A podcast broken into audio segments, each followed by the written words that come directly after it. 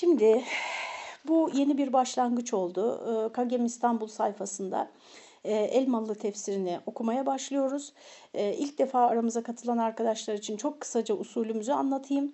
Ee, Kendisi şu anda dinleyenler arasında mı bilmiyorum. Bu e, Marmara İlahiyat'ta biz e, efendim tefsir okumaları yaparken yine Elmalı'dan e, Şebnem Hanım'ın bir ricası ve ona katılan daha sonra onun e, isteğini onaylayan cemaatimizden işte dinleyicilerimizden pek çok kişinin bir talebi olmuştu.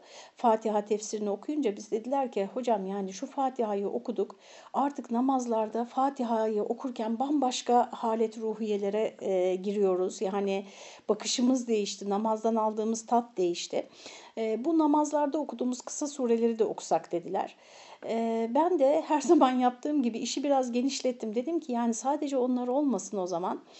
E, çünkü hep kısa surelerin tefsiri çok yapılır yani. Çok fazla yapılır. E, her yerde vardır. Çok kolay ulaşabilirsiniz. Müstakil eserler bile var onlarla ilgili. Bir de e, acizane kanaatim yani Efendimizin sünnetinden yola çıkarak e, namaz sureleri diye bir sure yoktur ki yani Kur'an-ı Kerim'in tamamı namaz suresidir. Bakmayın biz tembelliğimizden ötürü, ezberimizin e, kıtlığından ötürü efendim hep aynı surelerle namaz kılıyoruz. Ben de biraz işi geniş tutarak dedim ki Şöyle yapalım, e, Kur'an-ı Kerim'in başından sonuna doğru e, efendim her sureden bir bölüm seçerek, işte Fatiha geçtik, Bakara suresinde Elif, Lam, Mim var, Ayetel Kürsi var, Amener Resulü var. Mesela bunlar da çok okuduğumuz sureler, ayetler. Efendim bu çok e, bilmemiz gereken, bildiğimiz, okuduğumuz kısımları her sureden bir bölüm seçerek böyle devam edelim demiştim. İşte gele gele Enbiya suresine geldik. Yani Taha suresi bitti. 17. E, cüzün başındayız yani. Buradan itibaren de işte bakalım ne kadar gider. Kagem'le birlikte yapıyoruz. Yani platformlar değişiyor ama bizim mihverimiz, yolumuz, metodumuz değişmiyor. Bugün de Enbiya suresinde 30. ayetten 41. ayete kadar olan kısmı seçtim. Yani ben seçiyorum bölümleri çünkü şuna dikkat ediyorum seçerken onu da söyleyeyim. Ee, önce bir tefsiri şöyle gözden geçiriyorum. Elmalı neler söylemiş. Hani bakıyorum onun daha çok söz söylediği, daha çok yorum yaptığı yerler olsun. Çünkü hak dini Kur'an dili tefsirini şöyle bir taradım diyebilmemiz için hani aşağı yukarı onun üslubu hakkında bir fikir sahibi olmamıza yarayacak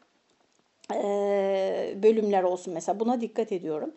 Eğer böyle bir farklılık yoksa o zaman da ya herkesin çok bildiği işte bir bölüm olmasına dikkat ediyorum veyahut da ee, öyle de bir farklılık yoksa benim mesaj vermek istediğim bir yer varsa orayı tercih ediyorum. Yani sonuçta çok demokratik bir şekilde nerenin tefsirini okuyacağımızı ben seçiyorum arkadaşlar. Size bir, bir gün önceden, bir iki gün önceden veya bir hafta önceden belirlemişsem duyuruyorum. İsteyenler önceden okur gelir, isteyenler sonradan okur pekiştirmek için.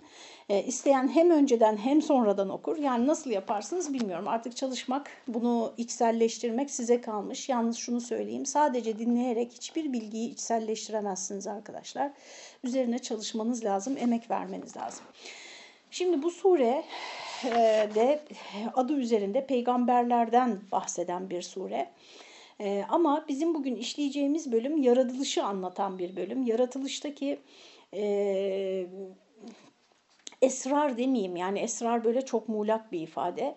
Yaratılıştaki sünnetullahı, Cenab-ı Hakk'ın bu kainatı, bu evreni e, nasıl yarattığını en baştan itibaren işte dünyayı nasıl bizim yaşayacağımız şekle soktuğu birer cümleyle ama birer cümleyle anlattığı sonra e, peygamberimizi inkar eden bu inkar e, kendi çağındaki inkarcıların işte bu, e, Allah'ın varlığını, gücünü, kudretini gösteren bu delillerden hiç mi istifade edemediklerini sorduğu bir bölüm.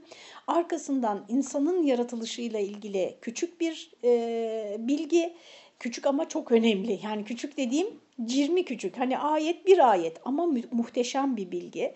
Efendim arkasından da işte kıyametteki durumumuzu anlatan, işte nasıl olacak, nasıl dirileceğiz onu anlatan ayetlerin olduğu bir bölüm arkadaşlar. Elmalı Hamdi Yazır burada gerçekten e, kendi çağındaki bilimlerle ne kadar ilgilendiğini, bilimsel gelişmelerle ne kadar ilgilendiğini, onları takip ettiğini, felsefi anlamda, kelami anlamda bunları nasıl yorumladığını ortaya koyduğu e, bir bölüm olmuş. Tefsir kısmı efendim yaklaşık 6 sayfa kadar.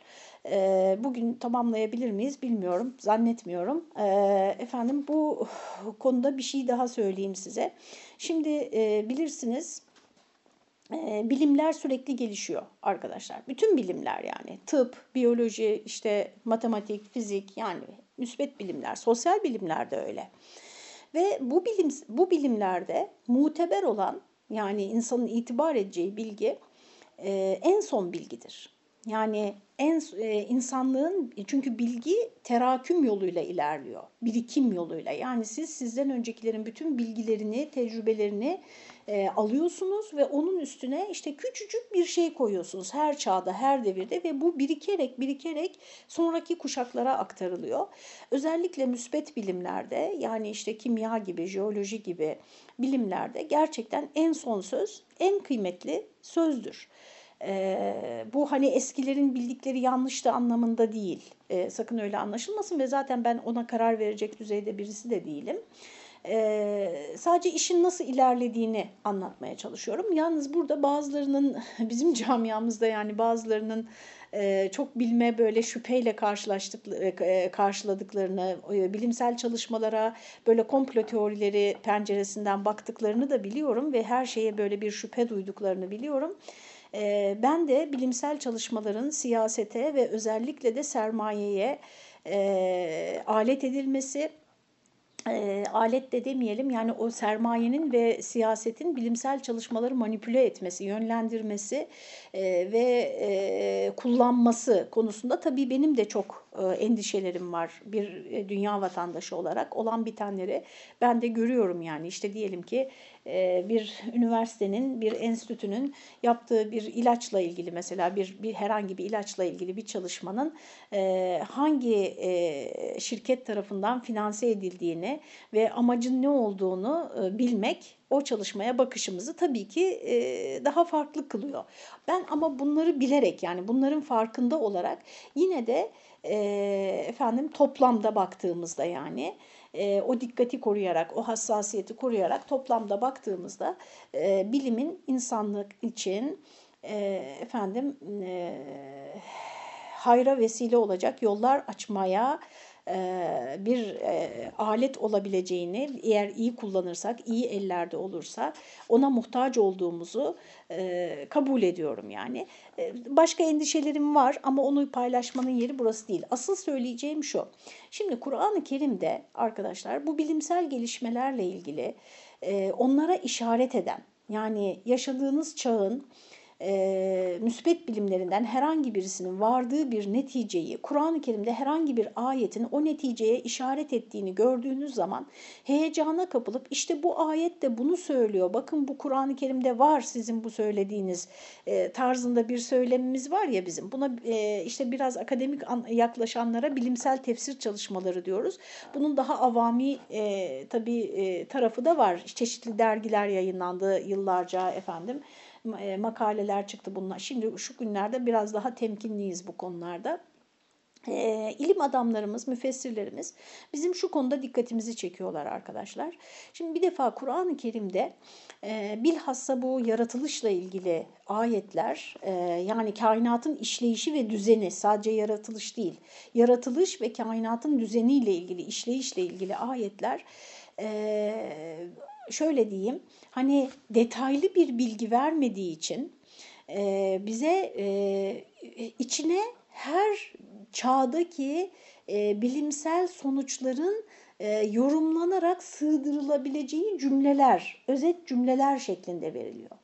Böyle olunca siz mesela işte diyelim ki ben tekrar ediyorum bir akademisyen olmadığım için detaylı bilgi veremiyorum. Öyle bir birikimim yok. E, bunu bir müfessirden, bir tefsir hocasından dinlerseniz çok daha e, sağlıklı bilgi alabilirsiniz. Efendim mesela siz işte diyelim ki e, bundan 900 yıl önce yazılmış bir tefsirde veya işte 1000 yıl önce yazılmış bir tefsirde dünyanın düz olduğu, bu ayet dünyanın düz olduğuna delalet eder ve ilal ardı keyfe sutihat ayetine baktığınızda işte bu ayet dünyanın düz olduğuna delalet eder diye bir yorum bulabilirsiniz. Niye? Çünkü dediğim gibi e, o günkü bilimsel zihniyet ne, o günkü dünyada kabul gören görüş ne, e, müfessir onu alıyor ve bu ayetin buna işaret ettiğini yani önünde de bunu e, bu anlamı içeren bir ayet varsa o anlamın da e, giydirilebileceği bir ayet varsa bu ayet buna işaret eder diyor bırakıyor. Dolayısıyla işte bu şeylerden dolayı, bu sakıncalardan dolayı daha mutedil olan müfessirlerin, tefsircilerimizin yaklaşımı şu, bunu söylemeden geçemem, yani bu çok önemli, bilmemiz lazım hepimizin. Arkadaşlar bilimsel gelişmeleri Kur'an-ı Kerim'de falan ayetin kesinlikle altını çiziyorum. Kesinlikle buna işaret ettiği şeklinde yorumlamanın son derece sakıncalı ve Kur'an'a insanların güvenini sarsmasına sebep olabilecek tehlikeler içerdiğini önceden bilelim. Ee, şöyle diyebiliriz mesela ya işte bu e, ayet bana onu çağrıştırdı. İşte şöyle bir işte uzayla ilgili bir bilgiye ulaştınız. Yani mesela ben işte söyleyeyim bir tanesini yani tamamen e, halk yaklaşımıyla. Ee, ben Rahman suresinden çok etkilenirim. Kainatın düzenini ve işleyişini anlatan bir suredir. Ee, hem fizik hem metafizik düzeyi, düzeni. Hem e, kıyametten önce hem kıyametten sonraki düzeni anlatan bir suredir benim görebildiğim kadarıyla. Ve ben onun tamamı tercüme edilmiş işte bütün meallerde var. Ter, bir şeyin tercüme edilmesi onu anlayabileceğiniz anlamına gelmiyor. Ee, mesela Rahman suresini çok azını anlayabildiğimizi düşünüyorum yani kendim için söylüyorum. Efendim orada bir ayet-i kerime var. Ee, Rabbul meşrikayni ve Rabbul mağribeyn diyor Rabbimiz. Ee, Rabbul meşariki ve Rabbul megarib de var Kur'an-ı Kerim'de. Yani doğuların batıların Rabbi. Ee, doğunun batının Rabbi de var. Ama burada Rabbul meşrikayni ve Rabbul mağribeyn. iki doğunun ve iki batının Rabbi. Yani doğunun ve batının Rabbi ile doğuların ve batıların Rabbini anlayabiliyoruz. Çünkü diyorlar ki işte dünyada güneşin doğduğu yerler sürekli değiştiği için coğrafyaya göre kürevi olduğu için dünya. Efendim dolayısıyla bütün doğu, doğduğu bütün noktaların Rabbi diye yorumluyorlar bunu. Ama iki doğuyu, iki batıyı nasıl yorumlayacaksınız? Oturup incelemedim bütün tefsirler ne söylemiş diye. Ee, sonra aradan e, bu benim zihnimde böyle dururken bundan birkaç sene önce yani 3 sene 4 sene olmadı tahmin ediyorum. Çok uzak bir yıldız bulundu. Bir sistem efendim. İki tane güneşi var sistemin. Yani şimdi belki de Rabbul meş, Meşrikayn ve Rabbul Mağribeyn bu demek yani. Belki de Cenab-ı Hak hani buna işaret ediyordu. Bilmiyoruz yani. Ee, Kur'an-ı Kerim'deki müteşabih ayetler arkadaşlar yani anlamının şu olduğu hakkında yani şu anlama gelir bu ayet diye kesin karar verilemeyecek, nihai sözün söylenemeyeceği ayetler. Çünkü her yeni bilgiyle o orada yeni bir kapı açılıyor size. Bu tabii Kur'an-ı Kerim'in mucizesidir. Yani şey gibi düşünüyorum ben Kur'an-ı Kerim'i. Sonsuz kere ziplenmiş bir dosya gibi düşünün yani. Sonsuz kere. Dolayısıyla siz her tıklamanızda yeni alt dosyalar açılıyor. Her tıklamanızda yeni dosyalar açılıyor ve bu sonsuza kadar böyle devam edecek. Acizane kanaatim biz cennette de Allah inşallah bizi oraya layık görürse e, biz cennette de Kur'an'ı öğrenmeye devam edeceğiz. Diyeceğiz ki aa bu ayet bu demekmiş aslında diyeceğiz. Kulle yevmin huve fi şe'n diyor. Her gün yeni bir oluş, her gün yeni bir yaratılış var arkadaşlar. Dolayısıyla biz e, neden cennette sıkılmayacağız? Sonsuz hayat nasıl sıkmayacak bizi? Yani sadece bağlar, bahçeler, ziyafetler, köşkler, saraylar, altın takılar, efendim ipek elbiseler olsaydı sadece bir süre sonra onlardan sıkılabilirdik. Belki onlar bile her gün yeni bir şekil alacaklar bilmiyoruz. Yani şöyle düşünün mesela ben e, öyle algılıyorum bu hayatı algılamaya çalışıyorum. E, bir tablo düşünün arkadaşlar. Mesela dünya işte Monet'in bilmem ne tablosu. Genelde böyle manzara resimleri yapan işte insanları düşünün. E, bu tablolar dünyanın en değerli, en kıymetli eserleri arasında ve en önemli müzelerinde saklanıyor değil mi? Gidiyoruz bakıyoruz işte hangi teknikle yapmış, renkleri nasıl kullanmış falan. Ama o tablo hep aynı arkadaşlar yani. Yüz yıl geçse de, bin yıl geçse de orada hep aynı nilüferler olacak yani. Hep aynı renkler olacak. Oysa Allah Teala arkadaşlar e, bizi her an değişen, her an yeni bir şekle bürünen ve her büründüğünde en ufak detayına kadar yani bir çiçeğin tohumcuklarıyla işte oradaki taç yaprakları, onun altındaki asıl yapraklar, dalı, ağacı vesaire. Yani işte o çiçeğin durduğu yeryüzü, o yeryüzündeki toprağın rengi, onun üstündeki çimenin rengi bunlar değişiyor devamlı yani. İşte sararıyor ayrı güzel, yemyeşil çıkıyor ayrı güzel. Efendim o çiçek böyle kuruyor ayrı güzel, yeni tomurcuklanıyor ayrı güzel. Ya ve canlı, hareket eden, sürekli değişen ama bu değişimde tenasübü hiç bozulmayan, birbiriyle o renk uyumu hiç bozulmayan, e, yaşayan bir tablonun içerisinde yaşıyoruz biz arkadaşlar. Yani e, inanılmaz bir şey bu. Mesela ben ne bileyim işte yere dökülmüş yaprakların üzerinde yürürken böyle bir tablonun içinde yürüdüğümü zannediyorum yani. Bir muhteşem bir sanat eseri var ve ben onun üstüne basa basa yürüyorum e, diye düşünüyorum. E, şimdi aklıma şey geldi. E, bir, bir türlü tefsire giremiyoruz. 20 dakika oldu. E, rivayet ne kadar doğru bilmiyorum. İşte Hazreti Ömer e, İran'ı fethetmek için ordusunu gönderdiğinde e, İran'ın meşhur bir savaşçı kumandanı Rüstem mi artık isimleri e, kusuruma bakmayın. Efendim e, diyor ki ya bunların ne işi var burada? Bunlar yani Bedeviler, bu Araplar hani İran'la nasıl savaşacaklar, bizimle nasıl savaşacaklar? Diyor ki birisini çağırın bakalım bir temsilci göndersinler. Dertleri ne, ne istiyorlar bunlar diyor. E, ordunun kumandanı da en e, sıradan bir eri gönderiyor. Yani ama tabii bunların bir kısmı sahabe, çoğu tabi'in nesli, o ilk nesil yani. Hazreti Ömer döneminden bahsediyoruz. Ee, İslam ordusundan o nefer e, işte İran'ın kumandanıyla görüşmek için gidiyor te temsilci olarak. Ee, o kumandan da kendi medeniyetinin zenginliğini, gücünü, ihtişamını göstermek için böyle çadırına giden yola bir meşhur İran halısı döşemiş bir işte diyelim uzun bir halı ve böyle taşlarla kıymetli taşlarla falan işlenmiş. O halının üstünde yürürken o nefer arkadaşlar işte bu düşünceler bakın Bizans'ın surlarına kadar geldi arkadaşlar. Yani biz şimdi mahalleye kadar çıkamıyoruz yani ilginç bir şey değil mi? İşte falan yere çocuğumuzu gönderirsek orada bozulur mu diye korkuyoruz. Evet. Nefer anlıyor kendisini etkilemek için bu halının buraya serildiğini, e, yani senin muhatabın kim mesajı verdiğini, diplomatik e, görüşmelerde her detay çok önemli. Efendim ne yapıyor biliyor musunuz? İzin verilen tek silah görüşmeye giderken mızrağıymış. Mızrağını ters çeviriyor, sürte sürte gidiyor. O halıyı böyle boydan boya yırtıyor yani. Ne demek istiyor o da? Bununla beni etkileyemezsin demek istiyor.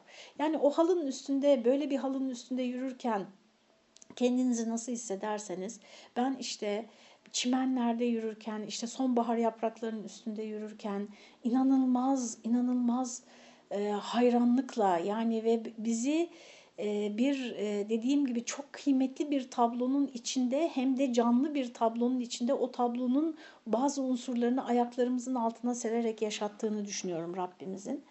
İşte arkadaşlar bu duygularımız böyle olmakla beraber bilelim ki e, bizim ulaştığımız bilgiler de yani şu anda size işte astronominin söyledikleri, kimyanın, fiziğin söyledikleri çok böyle e, müthiş bilgiler, müthiş bir ilerleme gibi gelebilir.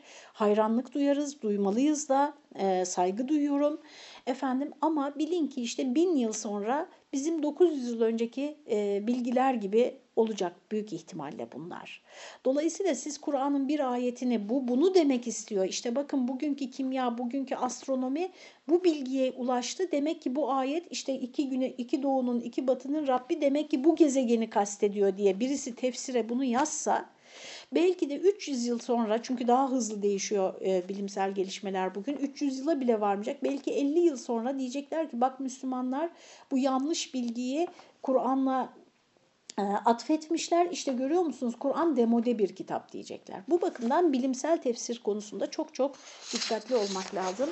Her zaman bizim alimlerimizin, mutedil alimlerimizin tercih ettiği gibi e, hani biz bunu böyle anlıyoruz ama Allahu alem e, bir muradihi. Allah kendi muradını bu ayetten ne kastedildiğini en iyi bilendir veya vallahu a'lemu bis savab. Allah doğruyu en iyi bilendir. Bu sadece bizim anlayışımız diye belirterek geçmek lazım. E, bunu söylemiş oldum. İkincisi bir de şunu hatırlatmak istiyorum arkadaşlar. Böyle bilimsel bir yani e, bilimsel açıklamalarla izah edilecek bir bölüme geçmeden önce ee, Kur'an-ı Kerim e, eğer tefsir usulü biraz okuduysanız e, Kur'an-ı Kerim'de arkadaşlar meydan okuyan e, ve insanların bunun bir benzerini ortaya koymaktan aciz olduklarını ifade eden, Kur'an'ı inkar eden insanlara da meydan okuyan ayetler vardır. Tehaddi ayetleri deniyor onlara. Yani e, eğer siz bu Kur'an'ın hak olduğundan, Allah katından olduğundan şüphe ediyorsanız, işte bütün e, ulemanızı toplayın, bütün ilim sahibi insanlar, insanlarınızı toplayın ve bunun bir suresi gibi, bir suresi gibi siz de bir sure söyleyin. Aynı değerde, aynı kıymette bir sure söyleyin diye meydan okuyan e, ayetler var. Bunlar e, Kur'an-ı Kerim'in icazı deniyor e, arkadaşlar burada bahsedilen meydan okumaya. İcaz muhataplarını aciz bırakan demek. Mucize de buradan geliyor. Yani mucize o kadar olağanüstü bir şey ki benzerini yapmaktan aciz kalıyorsun. İşte Kur'an-ı Kerim'in icazı yani benzerini ortaya koymaktan insanların aciz kalması iki mecrada devam eder diyorlar e, tefsir usulcüleri. Birincisi lafsi icaz, ikincisi manevi yani mana yönünden icaz. Kur'an-ı Kerim lafzıyla insanları bir benzerini söylemekten aciz bırakmıştır. E, bunu anlayabilmemiz için Arap edebiyatına çok vakıf, belagat bilen, e, efendim Arap şiirini bilen, üst düzey yani üst düzey Arapça bilen insanlar olmamız lazım. Efendim o konuda da çalışmaları e, takip etmek Kur'an-ı Kerim'in icazı açısından e, son derece önemli. Onu bir tarafa koyuyoruz. Bu lafsi icaz yani e, bu kadar etkili bir söz, bu kadar... E, insanları bir benzerini yani o günkü Arap dünyasını düşünün e, Kur'an'ın vahyinin başladığı dönemde e, şiir panayırları düzenleyen efendim her kabileden şairler çıkaran çok kıymetli şairler çıkaran irticalen şiirler söyleyen en değerli en değerli yetkiyi en değerli e, yetki demeyelim seviyeyi, merhaleyi şairlerine veren bir topluluktan bahsediyoruz ve bu topluluk biliyorsunuz işte muhallakat-ı sebayı gidip Kabe duvarından indiriyor. E, Kur'an geldikten sonra bir daha hiç kimse böyle bundan daha kıymetli bir söz yazamaz diye. Hatta işte İmrül Kays'ın kız kardeşinin Hud suresinde ve qile ya ya sema'u aqli'i ve gîdal ma'u ve qudiyal emru ve istevet alel cudiyyi ve qile bu'den lil kavmiz zalimin. E, tufanın bitişini anlatan o ayeti duyduktan sonra gidip kendi kardeşinin şiirini Kabe'nin duvarından indirdiğini ve bundan sonra hiç kimse bunu aşan bir söz söyleyemez dediğini e, aktarıyorlar. Bir böyle lafsi icazı var yani edebi değeri Kur'an-ı Kerim'in. İkincisi e, tabii bu e, dediğim gibi çok özel bir bilgiye sahip olmayı gerektiriyor bunu anlamak anlayabilmek. Dünyada çok sınırlı sayıda insan bunu anlayabilir.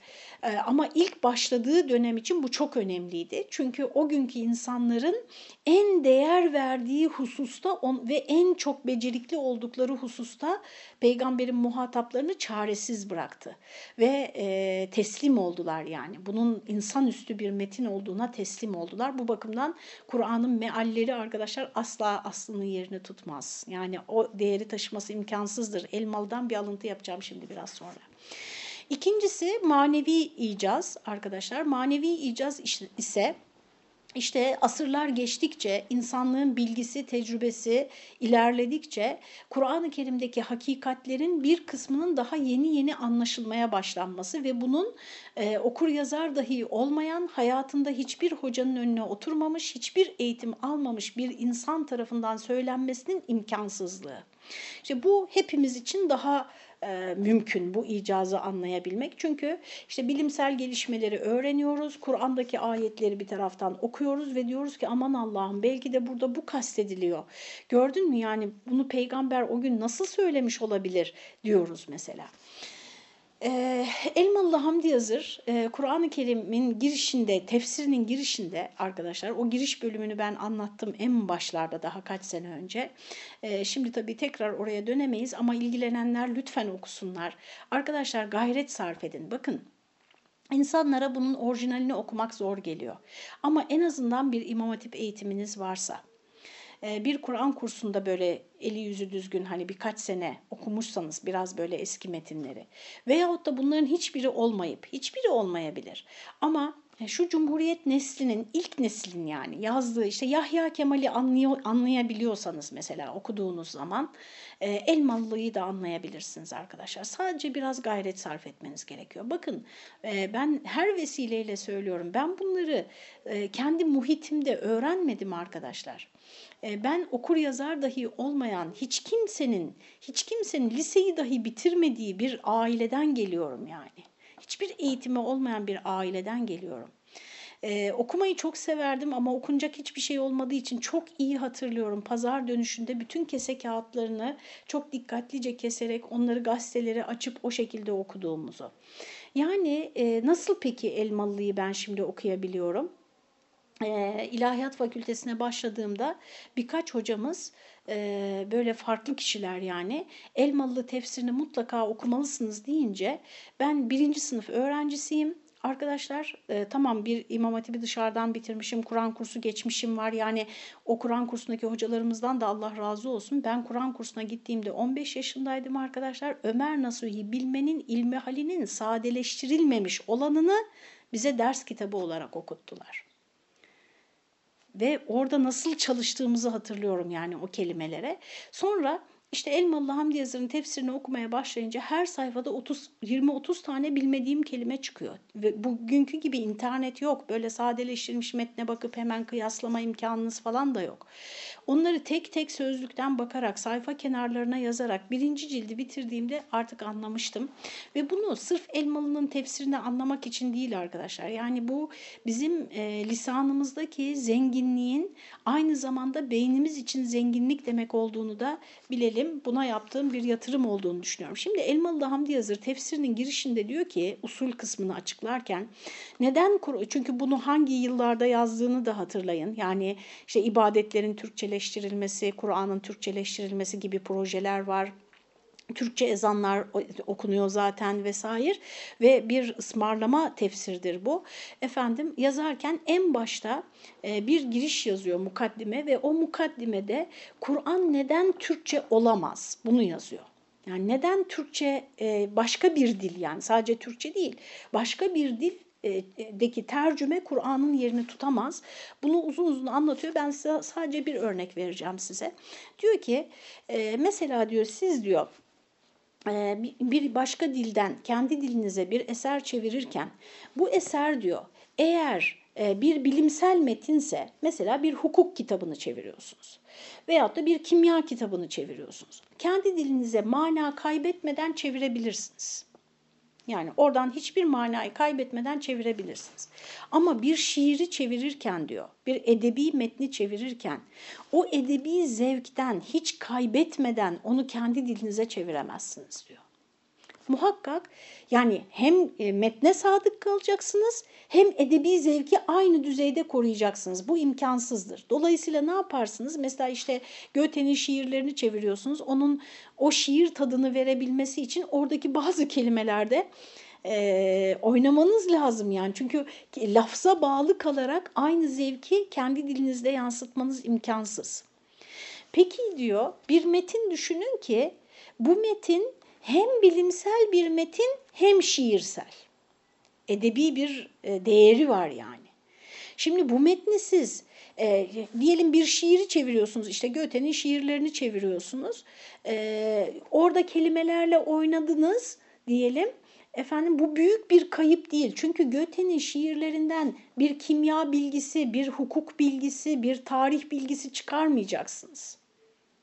Çıkarmayacaksınız. Sadece edebi zevk olarak onu okuyorsunuz. Orada bile sıkıntı oluyor yani bir kayıp olduğu için. Fakat diyor düşünün ki diyor bu metni Kur'an'ı çevireceksiniz kendi dilinize. Ee, hem hiçbir mananın değişmemesi lazım çünkü bu aynı zamanda bir hukuk metni. Bunun şeriat kısmı var. Aynı zamanda inanç konularının anlat yani neye inanacağız, neye nasıl inanacağız bunların anlatıldığı bir metin.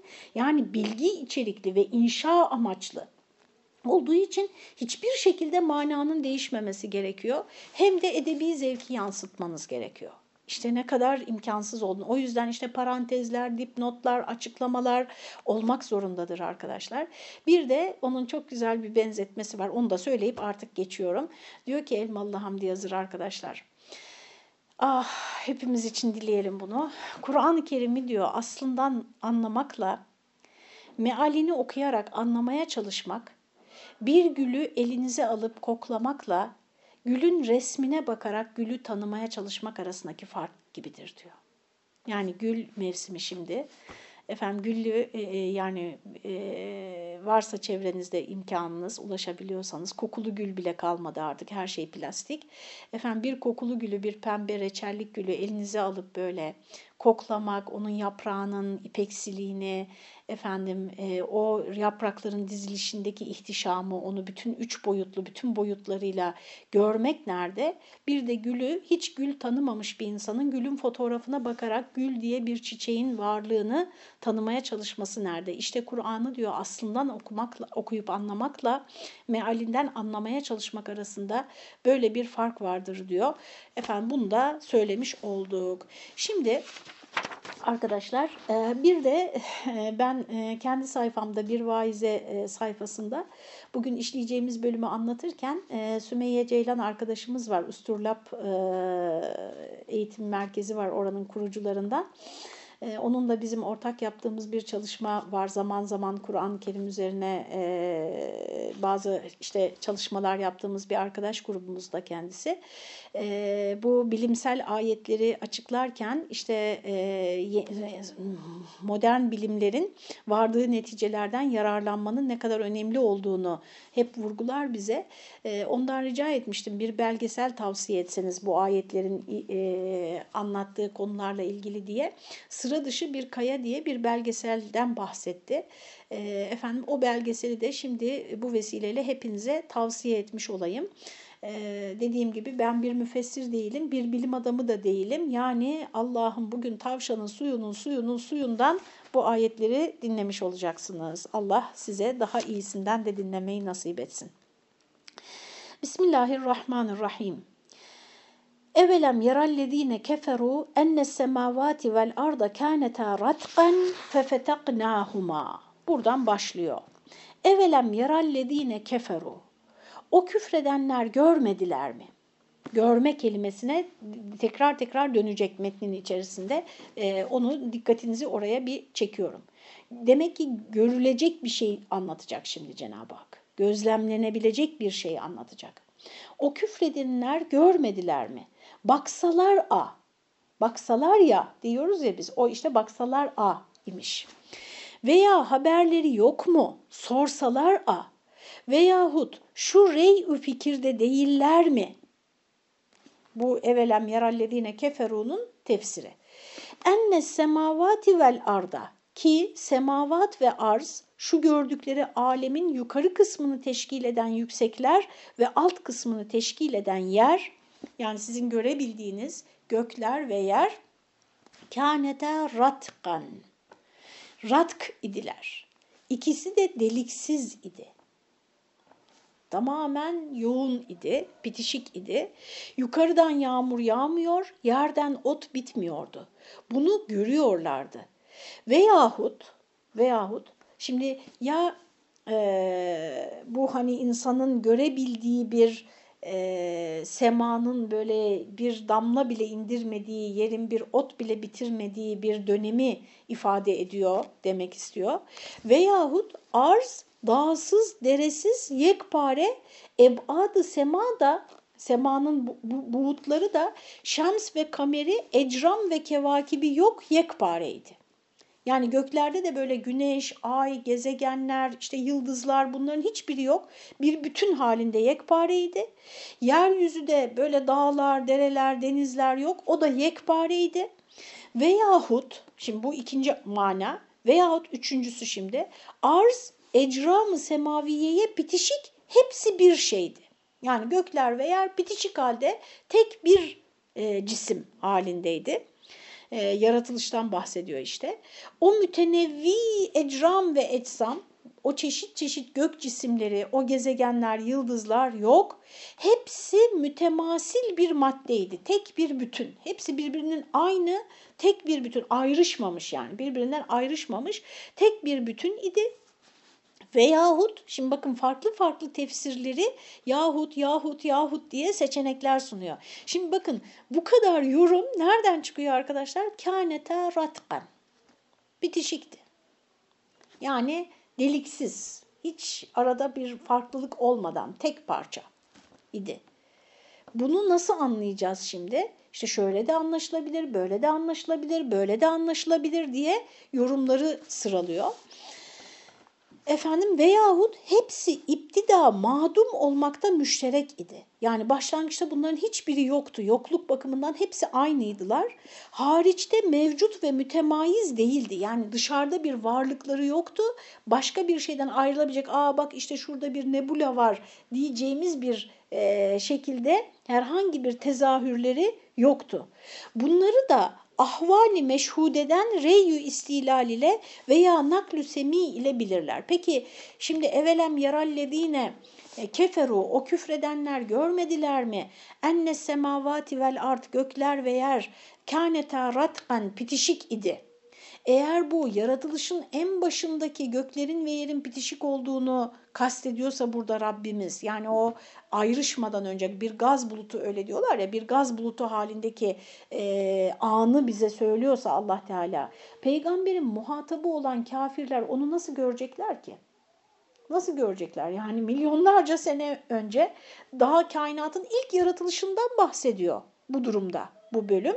Nasıl görebilirler? Bakın diyor ki ahvali meşhudeden re'yü istilal, istidlal ile gözlemlenebilir durumlardan fikir yürüterek ve deliller üreterek geçmişte bunun nasıl olduğunu gö görmediler mi? Demek ki arkadaşlar bakın rey ile yani görmekle fikir üretmek aynı kökten geliyor. Zaten biz onu Türkçe'de de kullanıyoruz.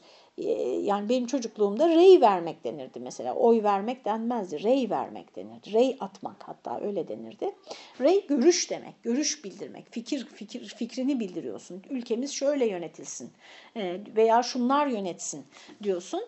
İşte arkadaşlar yani bir şeyi gözünle görmekle gözle gördüklerinden yola çıkarak bir fikre ulaşmak, bir bilgiye ulaşmak da aynı kelimeden geliyor. Aynı kökten geliyor. Efendim dolayısıyla o da gözünle görmek gibi bir şey. Yani demek ki bilimsel çalışmalar yapanlar arkadaşlar e, mesela işte e, bizim sosyal bilimlerde bu çok vardır. Özellikle de pedagojide, psikolojide. Hatta bizim e, yakın çevremizde biraz da espri konusudur bu. İşte diyelim ki e, bir yaşına kadar olan bebekler işte sen onlara şöyle şöyle davranırsan şöyle hissederler. İşte Erikson ne diyor? İşte güven duygusu gelişmez diyor. Bir yaşına kadar olan bebeğe şöyle şu hataları yaparsan diyor. O Erikson'un insan hayatının 8 evresi teorisine mutlaka bakın. Dilimden biten tüyler yani ben şu anda Çengelköy'deyim. Yani Üsküdar'a kadar vardı. Herkese söylüyorum lütfen okuyun.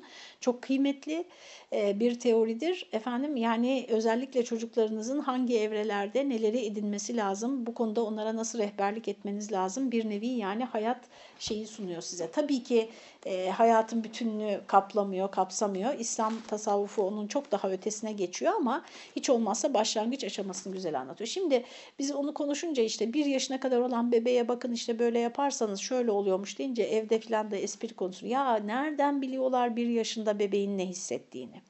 Arkadaşlar işte bunu da gözlemler yaparak çeşitli deney metotları, çeşitli araştırma metotları geliştirerek yani sen o sana ne hissettiğini söylemiyor ama sen öyle bir çalışıyorsun ki onun ne hissettiğini anlıyorsun. Anlayacak yollar buluyorsun. İşte bunun gibi demek ki bakın e, bilimsel bilginin gözünle görmek gibi bir bilgi olduğunu anlıyoruz buradan aynı zamanda. Yani sen bir istidlal yöntemiyle yani e, bir bilinenden bilinenlerden bilinmeyene varma yöntemiyle bir şeyi bildiğinde onu görmüşsün gibi bilmiş oluyorsun. Anlatabilmişimdir inşallah. E, veya nakli semi yoluyla. Yani ya bilimsel araştırma ve istidlal yöntemiyle veyahut da naklü semi yoluyla yani nakil yoluyla işiterek bilirler. Yani Allah Teala der ki mesela işte söylüyor burada gökler ve yer bitişikti onu biz ayırdık diyor. İşte insanı şundan yarattık diyor. Yani bu da sem'i bir bilgidir, işitmeye dayalı bir bilgidir. Birincisi istidlali, akıl yürütmeye dayalı bir bilgi. İkincisi sem'i bir bilgi. Her iki durumda e, biz gözümüzle görmüş gibi onu bilmiş sayılıyoruz arkadaşlar. Yani şimdi buradan ne anlıyoruz mesela? Kendimiz için ne sonuç çıkarabiliriz buradan? Arkadaşlar şu sonucu çıkarabiliriz.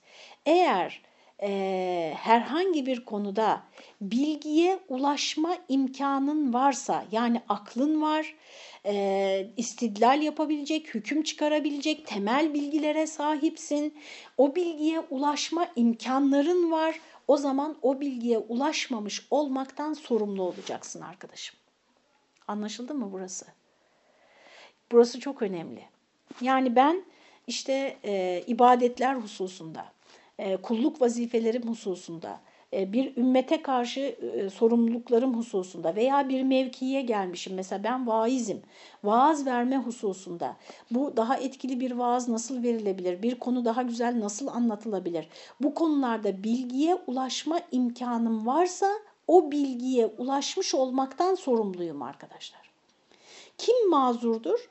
Bilgiye ulaşma imkanı olmayan ya akli kapasitesi olmadığı için veya tamamen engellendiği için bilgiye ulaşma imkanı olmayan sorumlu değildir. Onun dışında e, Allah Teala bakın gözümüzde görmedik kainatın yaratılışını ama görmediniz mi diyor. Demek ki görmüş gibi bilme imkanın var senin hem istidlali hem nakli bilgiyi kullanarak. Baksalar ya, baksalar a fefetaknahuma kâneta ratkan demişti ya bitişikti gökler ve yer. Fefetaknâhuma. Öyleyken biz onları fatk ettik. Yani koparıp ayırdık gökleri ve yeri. Yo iken yaratıldılar, bir şey iken bir şey iken çoğaldılar. İptida duman gibi bir madde iken müteaddit ecram ve etsam oldular. Yani duman gibi kesif ve yekpare bir maddeyken çeşit çeşit gök cisimleri, çeşit çeşit e, yıldızlar, değişik kütleler oldular. Bir tabiatta kalamayıp muhtelif tabiatlara tenevvü ettirildiler.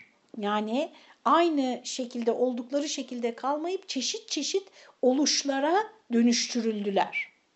Yani burada tabii e, yaratılışın bir yöntemi olarak efendim türün kendi içerisindeki gelişimine de işaret var ama elmalı değinmediği için ben de değinmiyorum. Ona başka yerlerde değiniyor.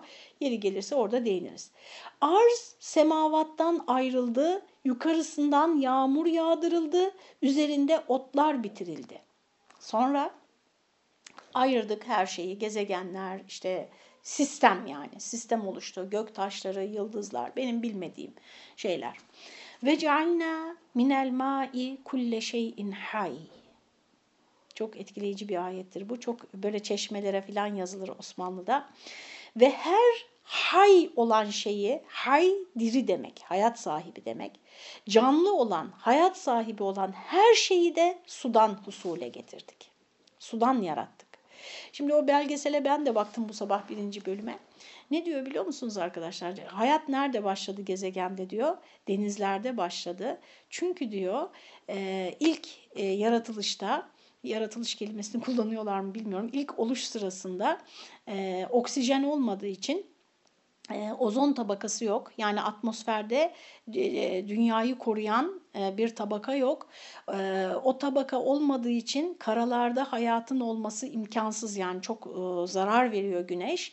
Efendim denizlerde başladı ve oksijen üretmeye başladıktan sonra böyle önce azar azar sonra milyonlarca oksijen üretilmeye başladıktan sonra da ozon tabakası oluştu. Ondan sonra hayat karalara çıktı falan diyor. Ben tabii çok kabaca anlatıyorum. Siz oradan daha detaylı bir şekilde lütfen izleyin. Neydi belgeselin adı? Sıra dışı bir kaya. Bunun hiç olmazsa birinci bölümü bugün anlattığımız konuları e, da e, içeriyor. O bakımdan önemli. Her hayat sahibi olan şeyi sudan meydana getirdik. Yani gerek nebat ve gerek hayvan, ister bitki olsun ister hayvan olsun, gerek insan, zi hayat olan, hayat sahibi olan şeyin hayatına suyu sebep kıldık. Yani su olmadan hayat yok. Bazıları burada sudan murat nutfe olduğuna kail olmuşlar. Bazı müfessirler buradaki suyun sperm olduğunu söylemişler. Lakin lakin karşı çıkıyor Elmalı bu yoruma. Bu surette hayvanattan bir kısmı hay mefhumundan tahsis olunmak icap edecektir. Yani bazı hayvanlar var ki sperm yoluyla çoğalmıyorlar ama e, onlarda da hayat var yani kısıtlayacaktır. Hayat sahibi e, olan varlıkların kategorilerini kısıtlayacaktır. Halbuki su zahiri ve çile asıl manasına alırsak yani buradaki suyu ve cealna minel ma'i kulle şeyin hay bu su bu ayette geçen ma su kelimesine sperm diye değil de bildiğimiz su şeklinde zahiri manasına alırsak kulle şeyin hay mefhumu alelumum hayvanattan başka nebatata dahi şamil olacak. Yani hayvanları da kuşatacak, bitkileri de içine alacak. Bütün canlı varlıkların e, temel hayat maddesinin su olduğu bu şekilde anlaşılmış olacak. Ve fil hakika gerek hayatı hayvaninin ve gerek hayatı nebatinin suya olan alakası da malumdur. Yani bütün canlıların suya ne kadar muhtaç olduğunu, varlığını devam ettirmek için biliyoruz. Son zamanlarda suyun en mühim unsurunu teşkil eden müvellidül ma bu kelimeyi ben de ilk defa gördüm arkadaşlar. Güya buraları da okumuşum yani. Nasılsa ya biliyorum diye geçmişim sonra mı unutmuşum bilmiyorum. Müve, müvellidül ma arkadaşlar e, suyu oluşturan şey demekmiş. Hidrojen atomunun ismiymiş Osmanlıca'da. Müvellidül ma hidrojen demek. Ne kadar estetik değil mi? Müvellidül ma suyu oluşturan şey diye isim veriyor. Onu hidrojen diye almıyor yani. E, ben arkadaşlar bir dilin kelime üretme kapasitesine, kapasitesine de çok hayranım yani. E, ne kadar kelime üretme kapasitesi varsa e, o kadar e, zengin bir dil oluyor. E, benim tabii e, dediğim gibi yine uzmanlık alanım değil ama e, kelime hazineniz ne kadar genişse zihninizde e, bilgiyi üretebilme ve e, oradan yeni fikirler üretebilme e, kapasiteniz de o kadar geniş oluyor. Şimdi ne dedi? Son zamanlarda suyun en mühim unsurunu teşkil eden müvellidül ma yani hidrojen bütün anasırın esası gibi mütalaa olunmaya başladığına nazaran demek ki takip ediyor, okuyor. Bakın çok iyi Fransızca biliyor. Elmalı Hamdi Yazır bazı Fransız filozofların eserlerini Türkçe'ye çevirmiş efendim e, takip ediyor bilimsel gelişmeleri kendi devrinde. Bundan e, işte aşağı yukarı neredeyse yani 80-90 sene önce yazılmış bir tefsir okuyoruz biz şu anda. E, son zamanlarda diyor suyun en mühim unsurunu teşkil eden müvellidül ma yani hidrojen bütün anasırın, bütün unsurların esası gibi yani yeryüzündeki hayatın esası gibi mütalaa olunmaya başladığına nazaran Kur'an'ın bu ihtarı daha şumullü bir hakikate işareti de ihtiva etmiş olur. Yani hayatın kaynağının hidrojen olduğuna da işaret etmiş olur. Suyun en önemli unsuru hidrojen olduğu için diyor. Gerçi diyor kimyayı uzvide bu da çok ilginç. Kimyayı uzvi neymiş? Organik kimyaymış arkadaşlar. Canlı kimya yani. Uzvi. E, kimyayı uzvide karbon bir esas olarak mütalaa edilmektedir. Yani organik kimyaya göre hayatın esası ve bütün hani bütün canlılığın e, canlılarda bulunan temel madde karbon olarak değerlendirilmektedir ve hayatın hava ile de alakası vardır. Fakat fakat burada önemli bir e, dil kuralından bahsediyor. Zikri şey maadaya ma münafi değildir diyor. Zikri şey maadaya münafi değildir. Yani işte hayatın diyelim ki e, yeryüzündeki hayatın üç temel maddesi varsa sizin bunlardan birini işte hayatın temel maddesi sudur demeniz diğer ikisinin hayatın temel maddesi olmadığını göstermez diyor. Yani bir bütünün bir parçasının zikredilmesi diğerlerinin nefyi yani diğerleri hayatın esası değildir red anlamına gelmediği için bunlar umum için su kadar bariz ve meşhut da olmadığından yani bu karbondur, hidrojendir bunları da böyle e, çünkü bu Kur'an kime hitap ediyor arkadaşlar? Bütün insanlığa hitap ediyor. Burası da çok etkileyici. Yani e, köprü altında yaşayana da hitap ediyor. Tarlasında hiçbir şey bilmeden işte e, bir köyün sınırlarının dışına çıkmadan e, çalışan insana da hitap ediyor. Hiçbir eğitim almamış insana da hitap ediyor. Su dediğinizde bütün yeryüzündeki insanlar onun hayatın ne kadar temel bir maddesi olduğunu anlayabilir. Ama hidrojen dedi yani su dediğinizde bir biyolog da çok iyi anlayabilir. Aslında orada kastedilenin eğer oysa hidrojen olduğunu anlayabilir. E, dolayısıyla hani en basit şekilde konuyu anlattığınızda arkadaşlar onu bir ilim adamı da oradaki o basit cümlenin içindeki ilmi hakikati görebilir. O çok sıradan insan da oradaki hakikati görebilir. Ama bir hakikati çok yüksek düzeyde anlattığınızda sadece o yüksek düzeyde anlayabilen insanlara hitap etmiş oluyorsunuz. İşte evrensel bir metnin arkadaşlar bütün muhataplarına hitap edebilen bir metin olması lazım. Bir metnin evrensel olmasını istiyorsak. Bir de çok hoşuma gitti bir şey duydum son 5 dakikamız. Bu işte bilimsel bilgiyi veya ilmi bilgiyi insanlara anlatma noktasında biraz da benim böyle içimi ferahlattı. Sanki böyle hani adeta yapabiliyormuşum gibi hissettim onu. Diyor ki işte e, çok büyük bir bilimsel bilgiyi, bir kelami tartışma olabilir bu mesela ilahiyat açısından veya işte fizikte bir üst düzey bilgiyi e, çok basit küçücük bir çocuğa anlatamıyorsanız onu çok iyi anlamamışsınız demektir diyor. Yani karmaşık bir bilgiyi, kompleks bir bilgiyi e, küçük bir çocuğa anlatabilecek şekle indirgeyebiliyorsanız o zaman siz o konunun özünü çok iyi anlamışsınız demektir diyor. Efendim burada da onu görüyoruz. Yani su dediğinizde onu herkes anlıyor. Hayatın nasıl temel maddesi olduğunu. Ee, burada en zahir delil ileri sürülmüştür ki o da sudur. Suyun ratk ve fatk ile münasebeti bahir ve herkes için zahirdir. Yani o bitişiklik ve ayrışma yani e, her şeyin başlangıçta bir tek parça olması sonra birbirinden ayrışması meselesinde suyun e, efendim bunlarla münasebeti herkes için zahirdir ortadadır. Tabiat üzerinde bu ratk ve fatk yani bu bitişiklik ve ayrışma ve bu tahvil, dönüşüm o kafirlerin görüp durdukları veya re'yü fikir ile bildikleri veya haber aldıkları işte üç yol olabilir dedi ya. Ya kendin gözlemleyebilirsin ya istidlal yoluyla bilebilirsin veyahut da ihbari yola. Bunlar bilginin üç yoludur. Bilgi edinmenin üç yoludur arkadaşlar. Akıl yürütme, e, istidlal yani, gözlem yapma, müşahede ve semiyat yani bir e, güvenilir bir kaynağın sana bilgi vermesi yoluyla bunları görebilirsin sen. Böyle oldukları halde bu kafirler efela yu'minun yine de imana gelmiyorlar ha diyor bir sudan yaratıldıklarını bilirler de hala Allah'ın sun u tesirine inanmazlar. Tabiat tabiat derler dururlar ha. Burada bir takım efendim işaretler, göndermeler var. Onları görüyorsunuz. İş tabiata kalsaydı tabiat kendi kendine değişir miydi? Arzu sema, gökler ve yer, ademden, yokluktan vücuda gelir miydi? Veya arz semadan ayrılır mıydı? Veya kuru havada yukarıdan yağmur yağar, kuru toprakta otlar biter miydi? Yani kendi kendine bunlar olabilir miydi diyor. Sonra o camit tabiatlarda aynı bir sudan muhtelif hayatlar husule gelir miydi? Camit donuk demek, cansız demek. Yani inorganik maddelerden organik bir madde ve üstelik de bu kadar çeşitli, bu kadar zengin nasıl oluştu diyor. Onlar kendilerini parçalanmaz mı zannediyorlar?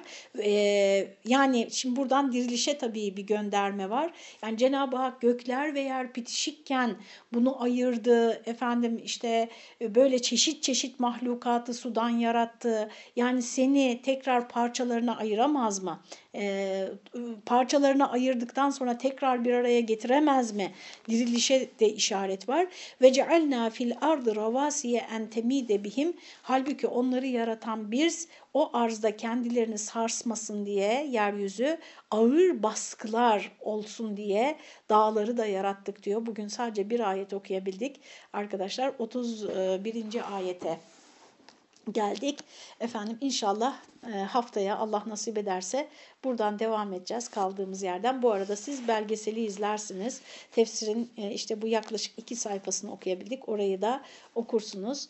Tekrar KAGEM'e teşekkür ediyorum. KAGEM İstanbul'da çalışan arkadaşlarımıza hepinize de katılımınız için teşekkür ediyorum. Allah'a emanet olun. Allah e, kendi kelamını en güzel şekilde anlamayı nasip etsin hepimize.